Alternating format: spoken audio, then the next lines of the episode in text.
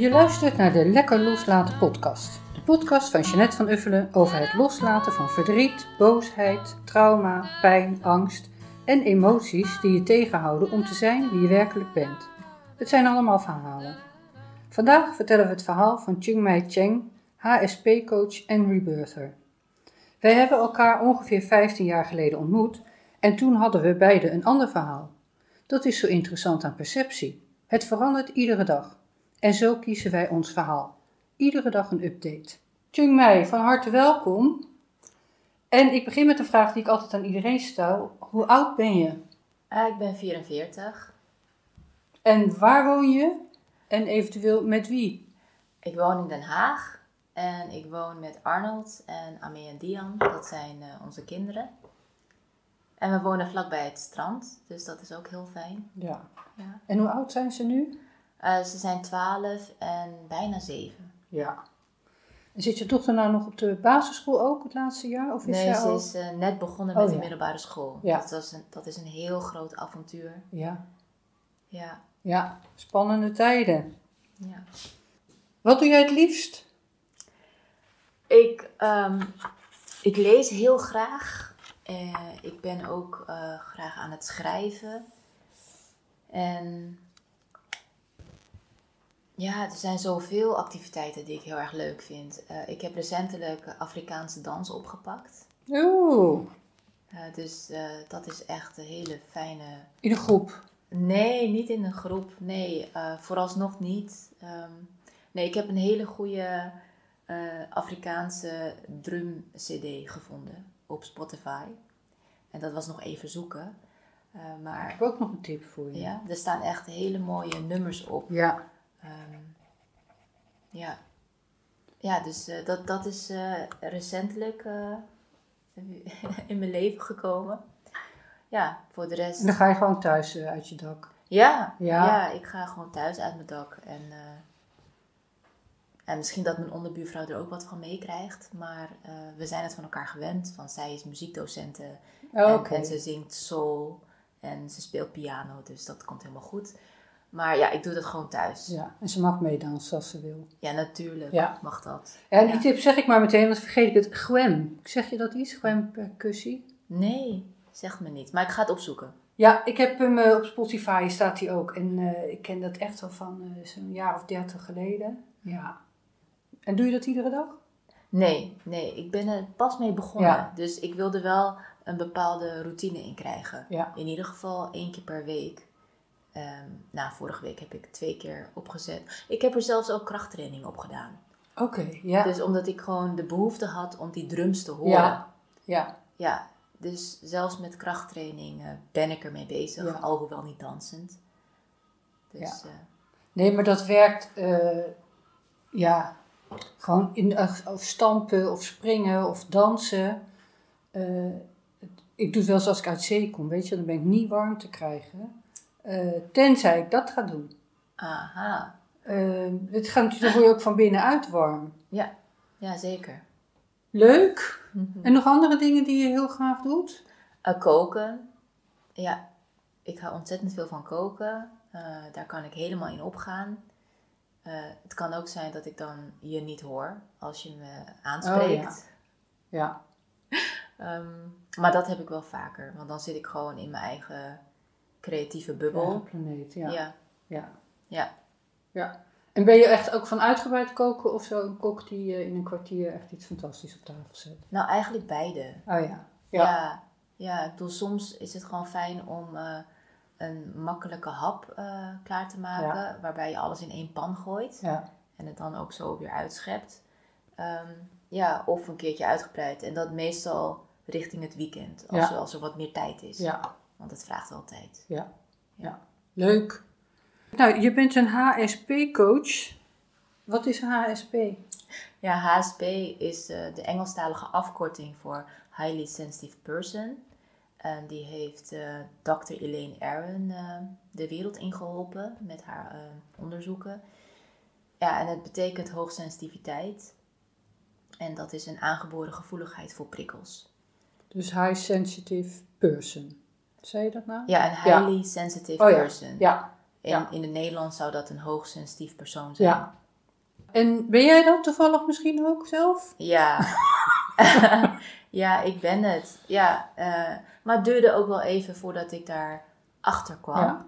En er ook volledig achter ging staan. Ja, ja dat heeft echt eh, wel een aantal jaren geduurd. Ik, ik las mijn eerste boek over hoogsensitiviteit. ehm, het hoogsensitieve kind van Dr. Elaine Aron. En toen was ik eh 20 of 22 eh, en ik was nog student. En ik las dat boek met een potloodje. eh, want ik herkende er ontzettend veel in. Ja. En ik maakte er aantekeningen in. Maar na het lezen ervan sloeg ik het dicht. En Ja. ging ik gewoon weer mijn eigen Ja. leven in. En ehm, pas jaren later, eh, even denken, wanneer was dat?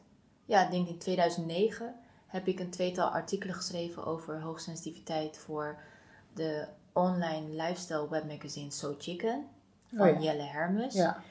En het gekke was, toen ik erover schreef, ehm, was het nog helemaal niet tot mij doorgedrongen dat ik het was. Oh ja, leuk hè? Ja, dat is echt Gek. bizar. Ja, ik weet niet of het leuk is, maar het is, Maar het is echt bizar. Ja. Want ik wilde over het onderwerp schrijven omdat ik het interessant vond. Dus ik was er nog gedeeltelijk gedissocieerd van. ja. En pas later, eh, weer twee jaar later, eh, na de geboorte van mijn dochter, ehm, ja, had ik zoiets van, ja, maar ik ben hoogsensitief. En Arnold is dat ook. En Amee is dat ook.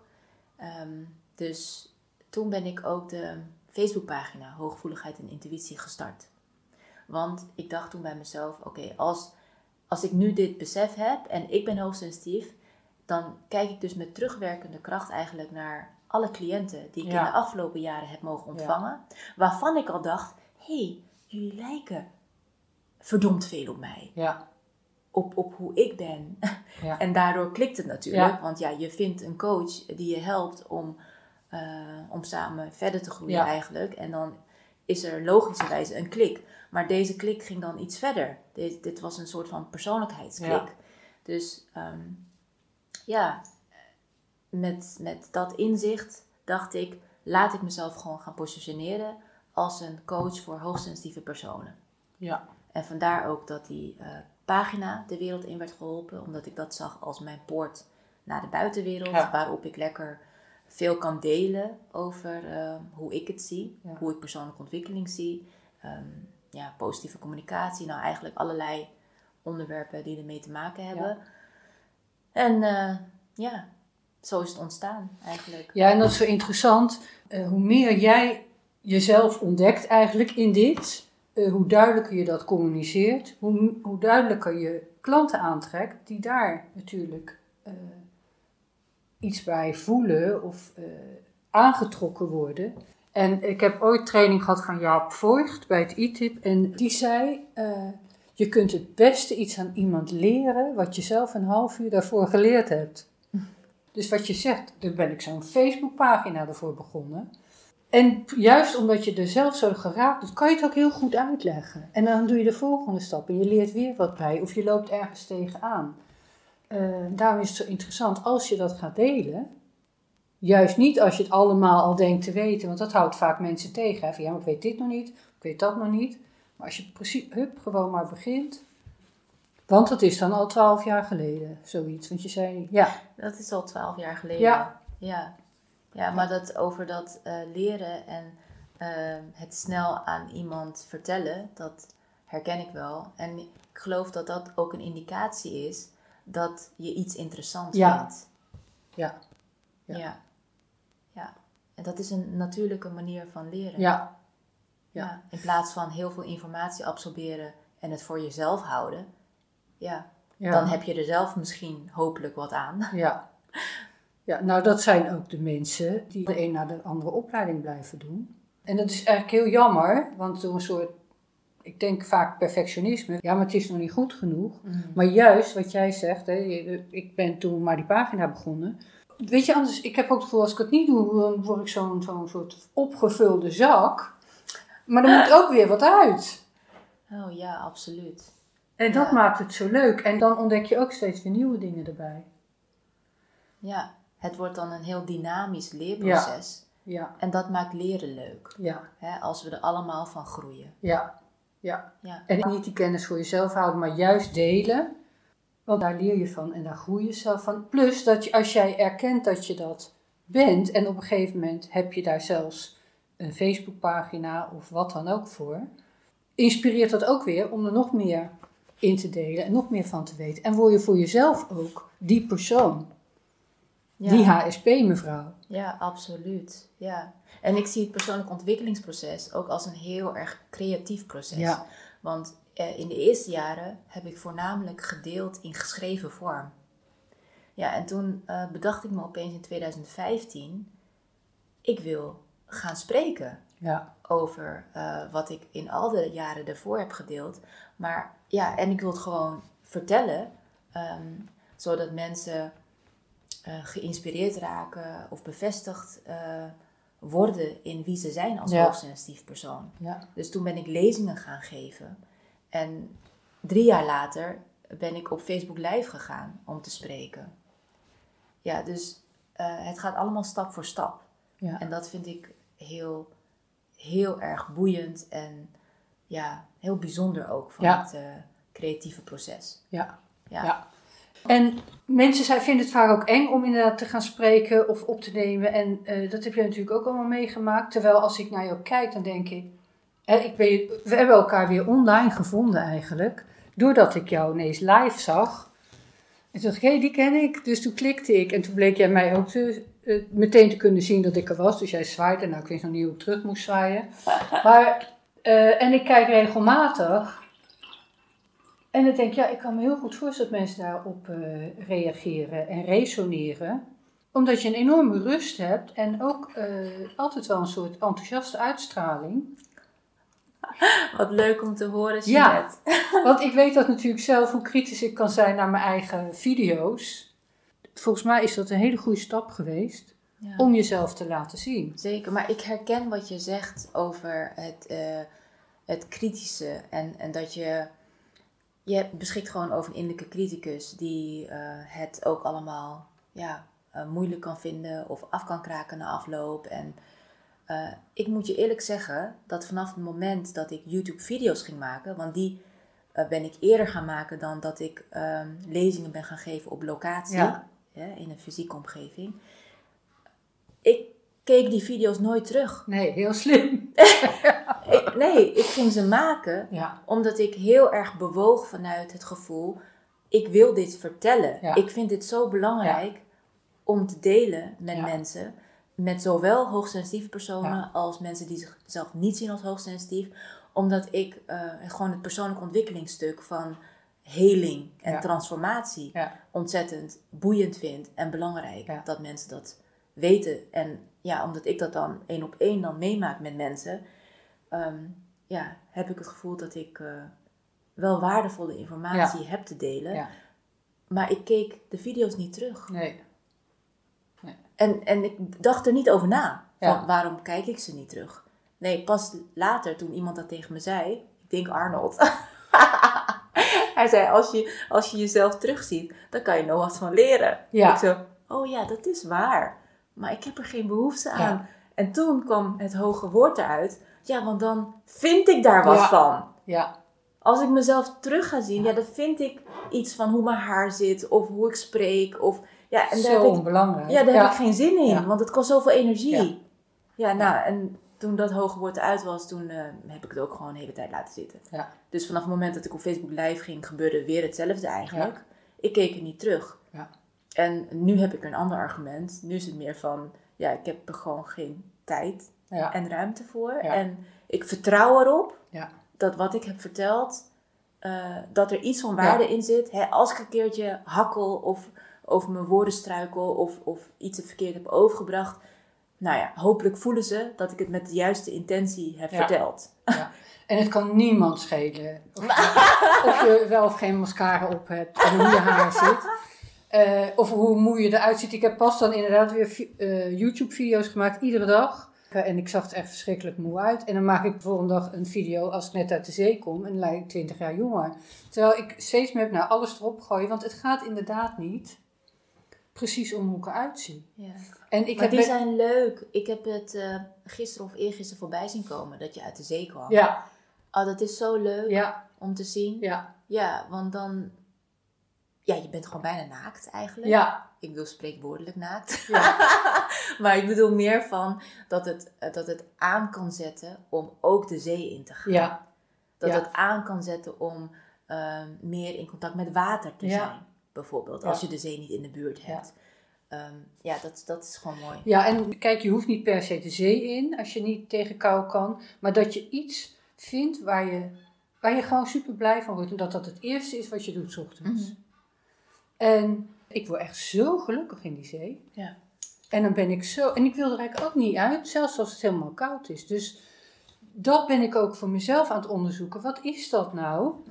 Eh, ik denk als ik zou, zou kunnen, dan zou ik gewoon de rest van mijn leven in de zee zijn. En ik ben ze ook gaan kijken om ervan te leren. Omdat mensen, ook mijn sessies heb ik een tijd opgenomen. Mhm.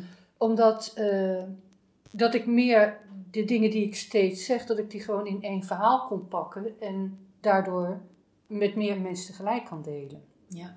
En ik denk dat voor jou, jij zegt hele interessante dingen. Dus het is echt wel de moeite waard om ze terug te luisteren. En ik heb er ook van geleerd om dan minder te letten op mijn rimpels, mijn wallen, hoe mijn haar zit enzovoort. Want inderdaad, eh, dat is helemaal niet zo belangrijk. En Het is kan toch niemand mooi? wat schelen. Ja, Ik vind het mooi ja, om ouder te worden. ja, ja.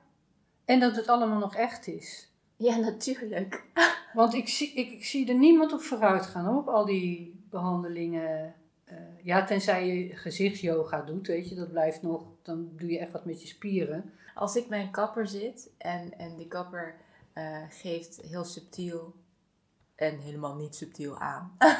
Dat je zo'n dat- dat- verschrikkelijke gezicht moet gaan doen. nee, dat, dat ik eh, ehm, mijn haren ja, kan verven, hè, zodat het weer overal zwart is. Oh ja, Ja, dan weet ik dat ik niet meer terugkom bij die kapper. ja, Want dan denk ik bij mezelf, ja, waar bemoei je je mee? ja, En vind je hier dan iets van? ja. En moet iedereen maar het ouder worden Ja. gaan lopen verbergen? Ja, Ik bedoel, dat is een vaststaand feit. ja, Ga het maar gewoon omarmen en wees mooi zoals je bent. ja, precies. Ja, Ja. ja. En je hebt zo weinig grijze haren eigenlijk. Mocht je? Nou, ik bedoel, kappers die zitten er bovenop. Hè? Dus die zien alles. Ja, En eh, nou, ik vind dat je dan ook daarmee ook wel iemand een complex kan aanpraten hoor. ja, Ik begrijp vanuit eh, de kapper dat, dat dat een manier is om ook geld te verdienen. ja. En dat is prima. Alleen, ja, misschien op een andere manier. Maar goed, dat is een ander verhaal. Dat is een ander verhaal. Ik heb een hele leuke, want ik vroeg of ze het in één keer grijs kon verven. Want die uitgroeien vond ik zo lelijk. En die zei gewoon, Jeanette, gaat je heel veel geld kosten, maar na een paar weken is het eruit. Zeker als jij iedere keer in de zee gaat. Dus dat deed ze niet. Dat vond ik zo fijn. Ze heeft wel tips gegeven hoe ik het dan een beetje geleidelijk kan laten uitgroeien. Ehm, Oh, dat zijn goede tips. ja, Ja, zeker. ja. Dat En, scheelt eh, je geld. ik had wel op 100 euro gerekend en ze deed het niet. Nou, dat vond ik echt gaaf. Eh, ik ga je straks de naam wel geven.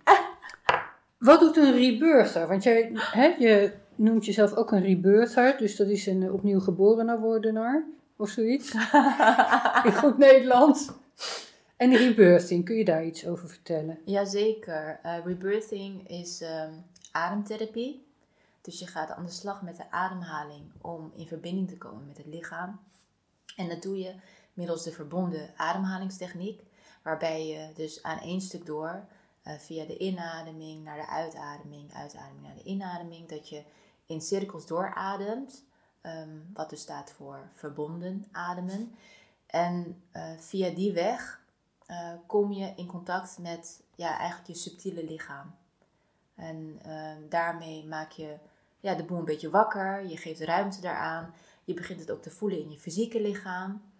En eh, dat kan zijn middels weet je, pijntjes of warmte-kou verschil. bepaalde druk of benauwdheid in delen van het lichaam. Ehm, mensen kunnen bijvoorbeeld hoofdpijn ervaren of een lichte van duizeligheid en allerlei fysieke uitingen. Wat eigenlijk alleen maar wil aangeven dat je in contact bent met de onderhuidse spanningen in het lichaam. En eh, de intentie is om in eh, contact te gaan, in volledig contact te gaan met die onderhuidse spanningen. En eigenlijk te gaan leren voelen wat het je te vertellen heeft. Dus ik zeg ook altijd tegen eh, de cliënten met wie ik werk dat het lichaam eh, zoveel meer wijsheid eh, eh, ja, beschikt dan over, over waar je pijn hebt. Hè? In plaats van de geest. Want de geest kan natuurlijk denken, het beredeneren, het, het gaan, gaan zoeken naar waar komt het vandaan. En dan heb je het antwoord, maar heb je misschien nog steeds wel last van Precies. verhoogde emotionele staat van Ja. zijn, Ja. van stress. Ehm, en ja, dus een andere intentie van rebirthing is om het hoofd, eh, dus de geest en het lichaam weer eh, bij elkaar te brengen. Ja. Dat ze gewoon weer bevriend met elkaar raken. Ja. Dat het hoofd dan ook denkt van, oh, dit is dus waar ik de hele tijd last van heb. Ja, Ja, dus ik heb last van onderdrukte woede. ja, Of ik ben hartstikke bang, want ik, ik lig hier te beven als een liedje. Terwijl ik dat overdag eh, probeer te verbergen. Eh, door gewoon heel gefocust te leven, heel efficiënt te leven.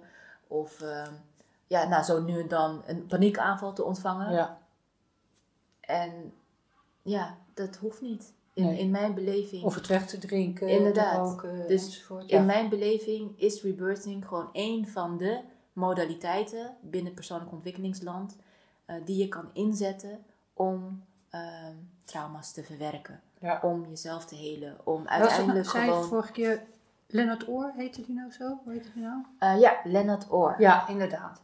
Ja. En oorspronkelijk eh, was het ook echt in het water, volgens mij, toen hij... eh, ja. Nou, dat is niet meer, want bij jou liggen mensen op de mat. ja, klopt.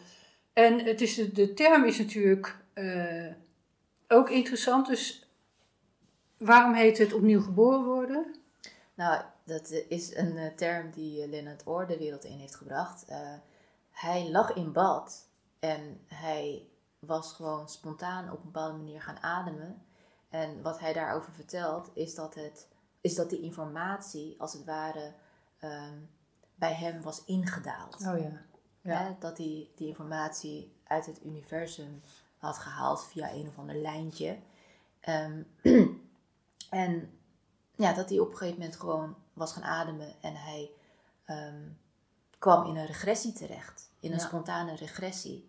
En tijdens die regressie had hij gewoon liggen huilen eh, in bad, in water. Ja. Dus vandaar eh, denk ik ook de term eh, rebirthing, maar vooral in relatie tot ehm, de staat van regressie waar je in terecht kan Oh komen. Ja. Want je kan middels deze techniek ehm, in, in, in een kindstaat terechtkomen.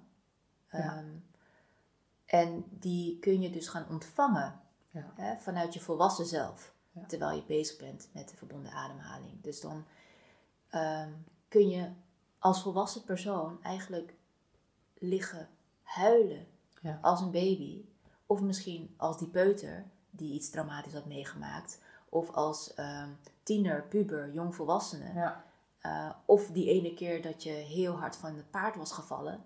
En dat je direct in een revalidatie terecht, terecht kwam. En je sprak wel een psycholoog. Maar nee, de pijn staat ook nog opgeslagen in Ja. je lichaam. Ja. Hè, dus er zijn verschillende ehm, ja, traumatische gebeurtenissen die je ja, kan gaan ontvangen eigenlijk. Ja, en op zich, het, eh, het geboren worden kan al vrij traumatisch zijn natuurlijk. ja, zeker. Überhaupt niet naar deze wereld willen komen. En eh, dat heb ik je wel eens eerder gezegd, in de jaren negentig heb ik zo'n beetje alles gedaan wat voorbij kwam aan eh, opleidingen en therapieën. En toen heb ik ook eh, in een groep, hebben we ook rebirthing gedaan en ook primal. En dat is een variant daarop. En heel erg inderdaad vanuit het oergevoel. En in een groep, dus toen lagen wij allemaal baby te zijn. Dat werd geleid. Ik weet niet meer precies hoe. Ik weet ook inhoudelijk niet meer precies, maar wat ik me vooral herinner. Er kwam iemand langs en die had voor ons allemaal een zuigflesje met limonade erin. En toen heb ik zo gelachen. En het kwam, ik weet niet waar dat vandaan kwam, maar dat was natuurlijk ook heel aanstekelijk. Mhm. Dus er kwam echt zo'n hele diepe bulder. En dat was echt super bevrijdend. Hoewel ik helemaal niet meer we- weet wat er nou eigenlijk toen gebeurd is, maar dat herinner ik me wel. En mensen zijn natuurlijk vaak, eh, nou ja, bangig voor dit soort openbaringen of dat je tegen dingen aankomt die je misschien voelt. Terwijl ik denk, ja, het is zo gaaf om te doen en zo makkelijk eigenlijk. Als je inderdaad, jij, jij begeleidt dat goed Uh, mensen hoeven niet eens ervoor in bad, weet je. Die adem, wat we met adem al kunnen bereiken. Mhm. En ik denk, het kan er nooit slechter op worden. En is het zo fijn, maakt niet uit of je het bewust bent of niet, om gewoon op te ruimen. Want precies wat je zegt, we zijn vaak zo gecontroleerd. Maar tegelijk ook, hè, merk je heel vaak mensen zo, uh, nou ja, als je 30, 40 bent, dat heel veel mensen zeggen, ja, is dit het nou? Ja. Ik heb alles wat ik uh, wil hebben, ik heb het prima in orde, baan, gezin, maar tegelijk zit er een soort enorme controle, zeker in het fysieke lichaam. Uh, waardoor men, ja, inderdaad wat jij zegt, dat in contact brengen met lichaam en geest of wat dan ook, of met jezelf überhaupt. Ja.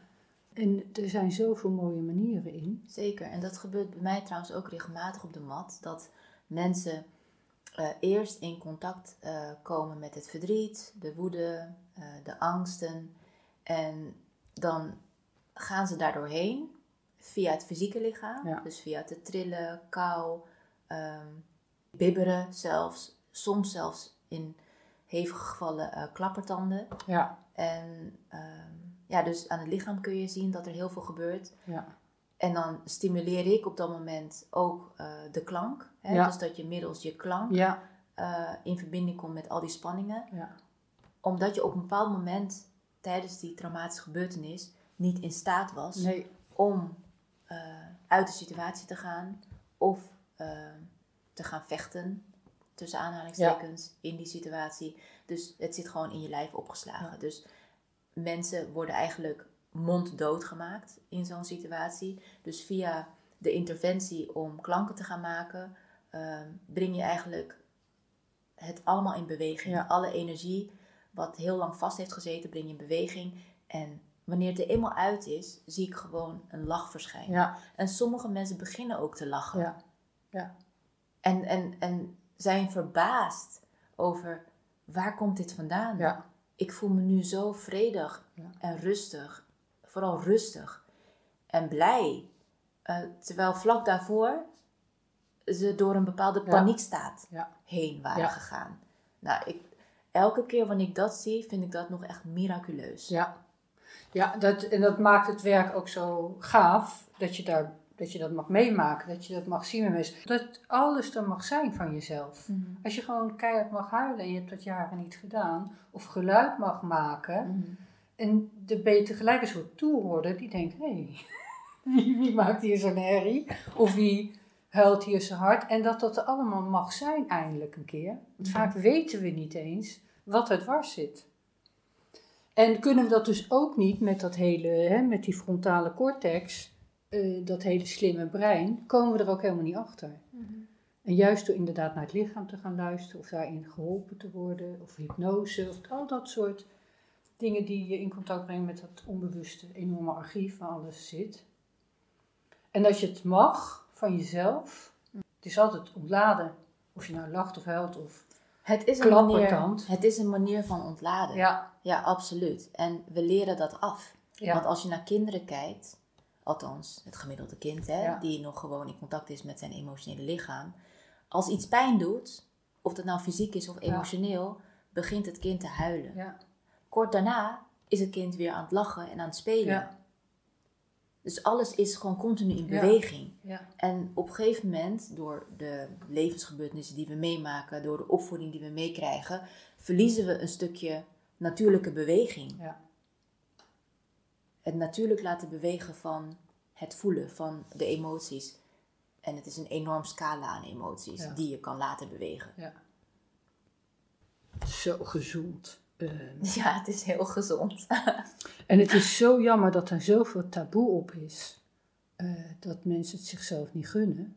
Ja, inderdaad. Hé, hey, maar er staat toch ook een stukje in jouw boek eh, Lekker loslaten. Ja. Over huilen en lachen tijdens de sessies Ja. die jij Ja, ik zeg je kunt niet bang en blij tegelijk zijn. Wat jij ook zegt, het gebeurt eigenlijk altijd vanzelf. Dat mensen die switch maken. En soms doordat ik tussendoor een hele rare vraag stel. Bijvoorbeeld van wat voor maat schoenen heb jij? En eh, heb je daar één paar van? En is links en rechts hetzelfde? En een mes is, hè? Eh, of inderdaad hun eigen woorden. En soms een heel klein beetje verdraai. Of, of wat ik ook doe is Bijvoorbeeld als mensen een bepaald scheldwoord hebben gehoord en nog steeds, of een bepaald, hoeft niet eens heel heftig te zijn, of een vervelende bijnaam kregen. Taal is ook heel krachtig, hè? dus dat woord heeft nog steeds een bepaalde lading. Bijvoorbeeld dikzak, terwijl iemand al eh, twintig jaar helemaal niet meer dik is. Of überhaupt nooit dik was, maar dikzak genoemd is.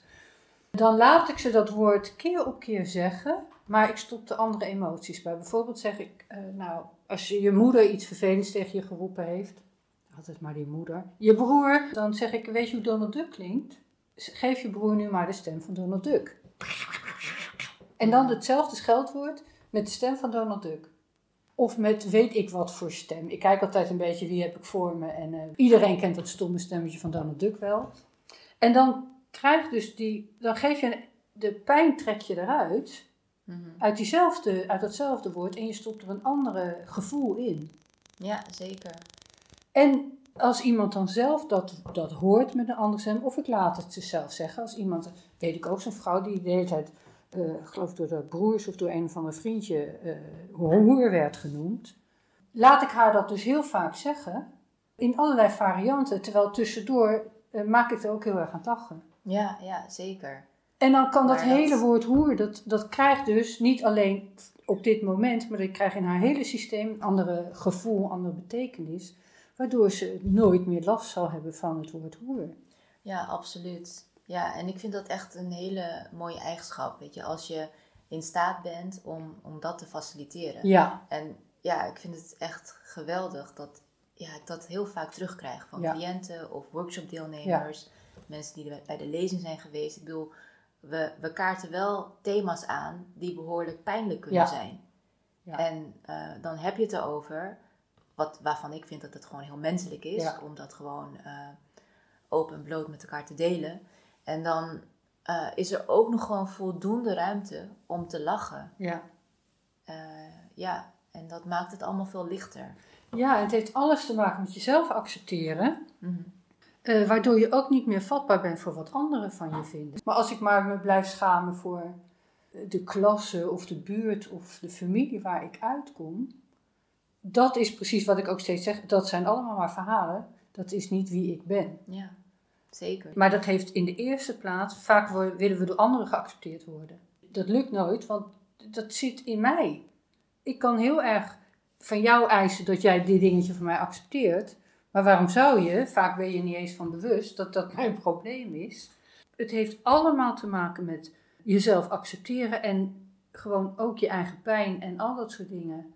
Dat het er mag zijn. Of dat je op een video gaat met een paar rimpels eh, op je wangen. Of eh, met een paar grijze haren. Wat dan ook, weet je. Nou, ik weet eigenlijk niet meer hoe we hier nou terecht kwamen. Weet jij het nog? Jawel. Eh ja, zeker. Ja. Eh, lachen in sessies en daarmee tegelijk. eh, vaak zie je dat de pijn vanzelf omgaat in, als je dat mag loslaten, in plezier. Eh, Ja, dat het huilen lachen wordt. En zo niet kan je er altijd een klein beetje bij helpen.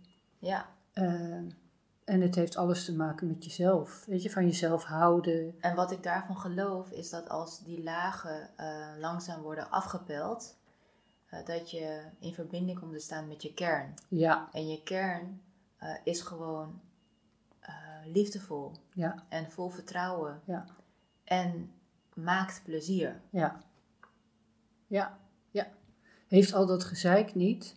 Eh, en wij zijn natuurlijk meer dan überhaupt dit leven op dit moment of dit lichaam.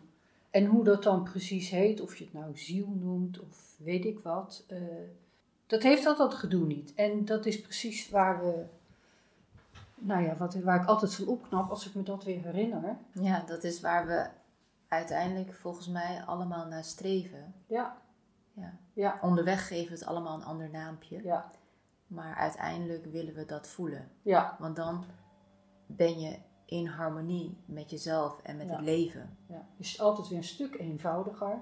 En ik denk dat dat ook is, hè, eh, waarom ik in die zee zo gelukkig ben. Want dan is mijn lichaam zo koud.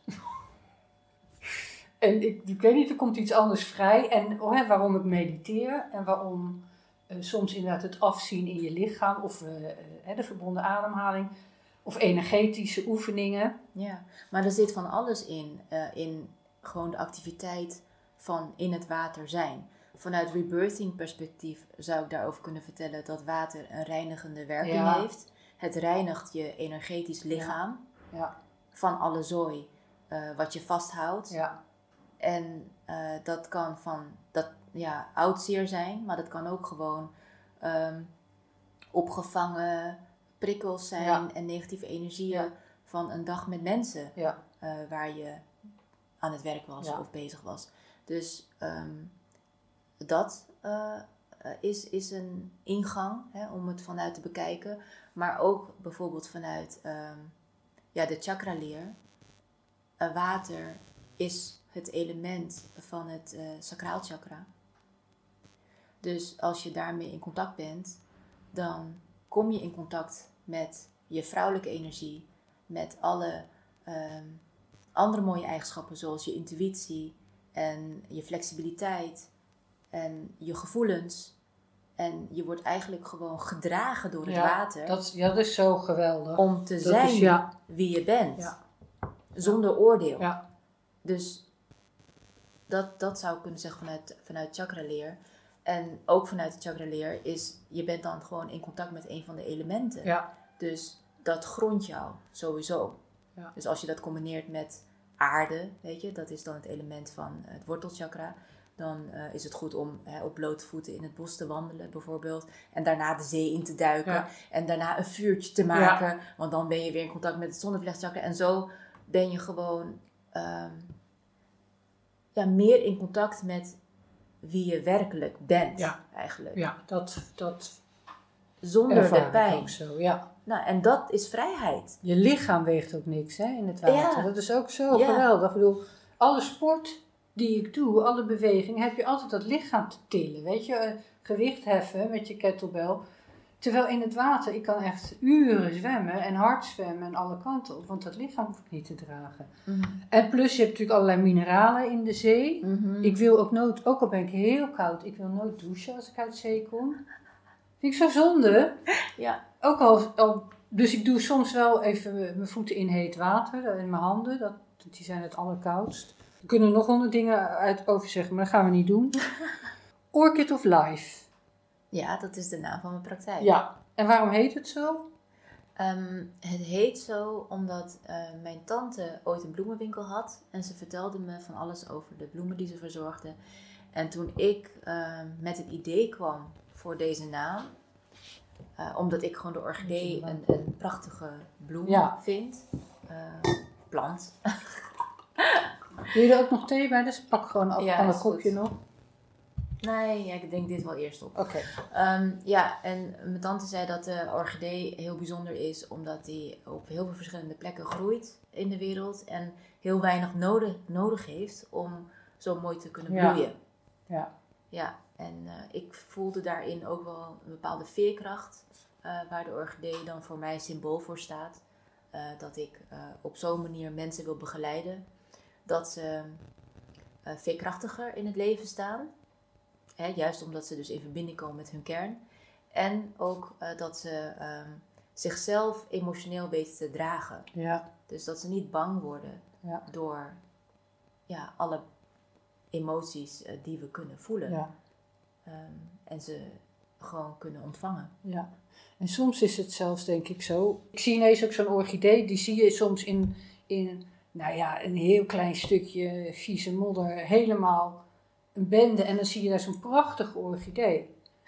En eh, hè, mensen zijn ook erg van het eh, ontspullen op het moment. Ik denk inderdaad, hoe minder je al die andere dingen hebt en afleiding, hoe meer je inderdaad uit je eigen wortel je kracht en je schoonheid kan halen. Jazeker. Ja, absoluut.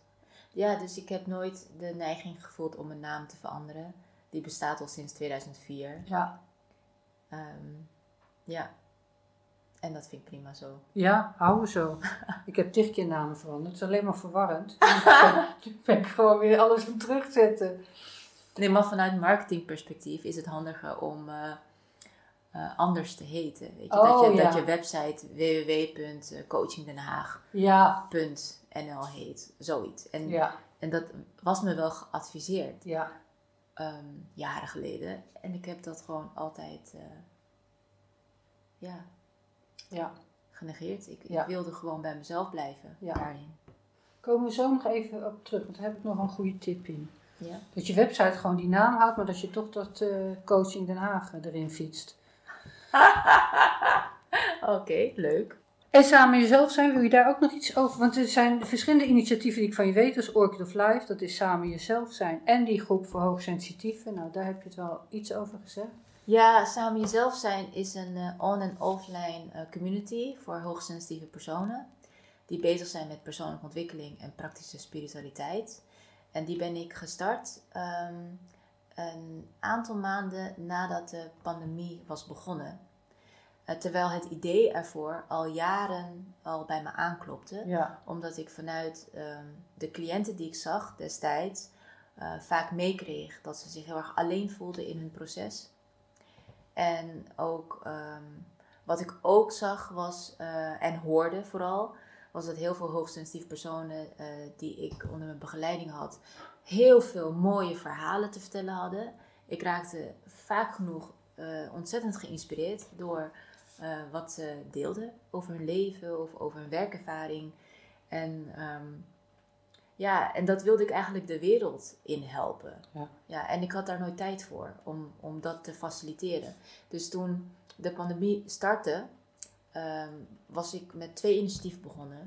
Dus het opzetten van samen jezelf zijn dan vanuit eh, de technische achtergrond.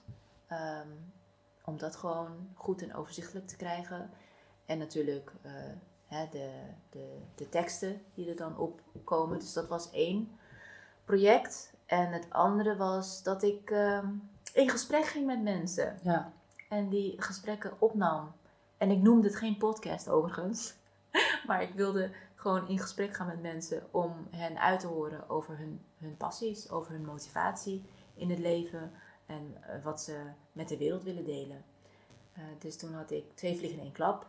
En eh, het duurde nog eventjes voordat het samen zelf zijn er echt was.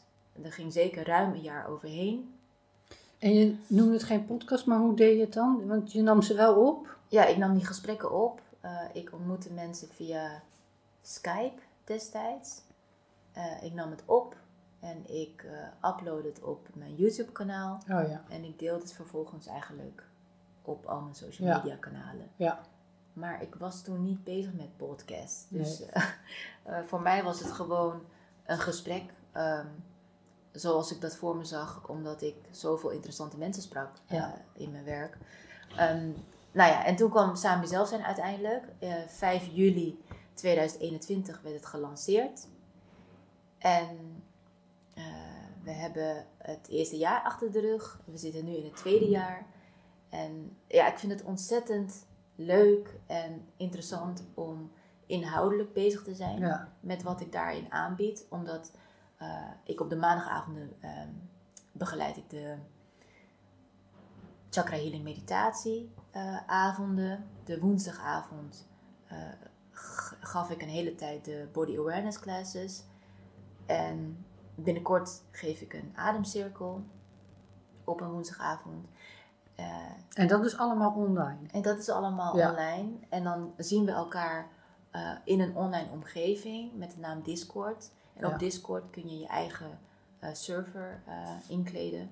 En dus bij ons heet het natuurlijk Samen Jezelf Zijn. Ja, En ehm, ja, daar zijn lesruimtes eh, waarin je elkaar gewoon kan zien via videobellen. ja, Dus je klikt erop en dan ben je er. ja, En dat zie ik als mijn lesruimte, waaruit iedereen vanuit zijn eigen woning hè, mee kan doen. En dat is gewoon wel een bijzondere manier.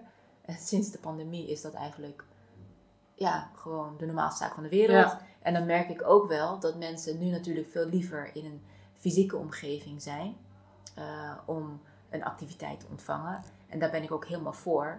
Eh, dus dat is ook zeker een onderdeel van samen jezelf zijn. Alleen deze programma's bied ik online aan. eh, gewoon vanuit een bepaald gemak. ja. En ook omdat de mensen die mijn werk volgen overal wonen. ja. Eh, dus dat, dat maakt het gewoon makkelijker om Ja. het online te kunnen aanbieden. Nou, daarnaast heb ik ook de online cursus Energiemanagement voor hoogsensitieve vrouwen in zeven stappen. En dat is eh, dit jaar van start gegaan. En daarvan voel ik wel dat dat gewoon op het programma blijft staan. Want vorig jaar was het Transformeer jouw leven. En daaraan kan ik dus ook merken dat samen zelf zijn eigenlijk een groot speelveld is Ja. voor mij. En initieel was ik het met Arnold gestart. Dus was het ons gezamenlijke speelveld. Maar ja, wij zijn allebei van die mega creatievelingen. Die ehm, ja, nou ja, van alles en nog wat willen maken. En Arnold heeft gewoon een, ehm, ja, een andere aangeboren eh, talent. Wat hij zeg maar in, in zijn creatieve projecten wil stoppen. Ja. Dus vandaar dat hij nu iets meer op de achtergrond is. Maar hij is er wel. Ja. Ja. Dus eh, ik ben meer degene die, het, die de activiteiten aanbiedt, die, die het leidt. En ik doe het samen met de huidige Sami zelf zijn leden. Ja. Dus dat geeft me ook het gevoel van eh, ja, samen iets neer te Ja. zetten. Waar zij wat aan hebben, maar ook waar ik wat aan Ja. heb. Want het is gewoon een hele fijne plek om te zijn eigenlijk. Waar je gewoon jezelf kan zijn. En jezelf als hoogsensitief persoon ehm, je bekrachtigd voelt. Ja.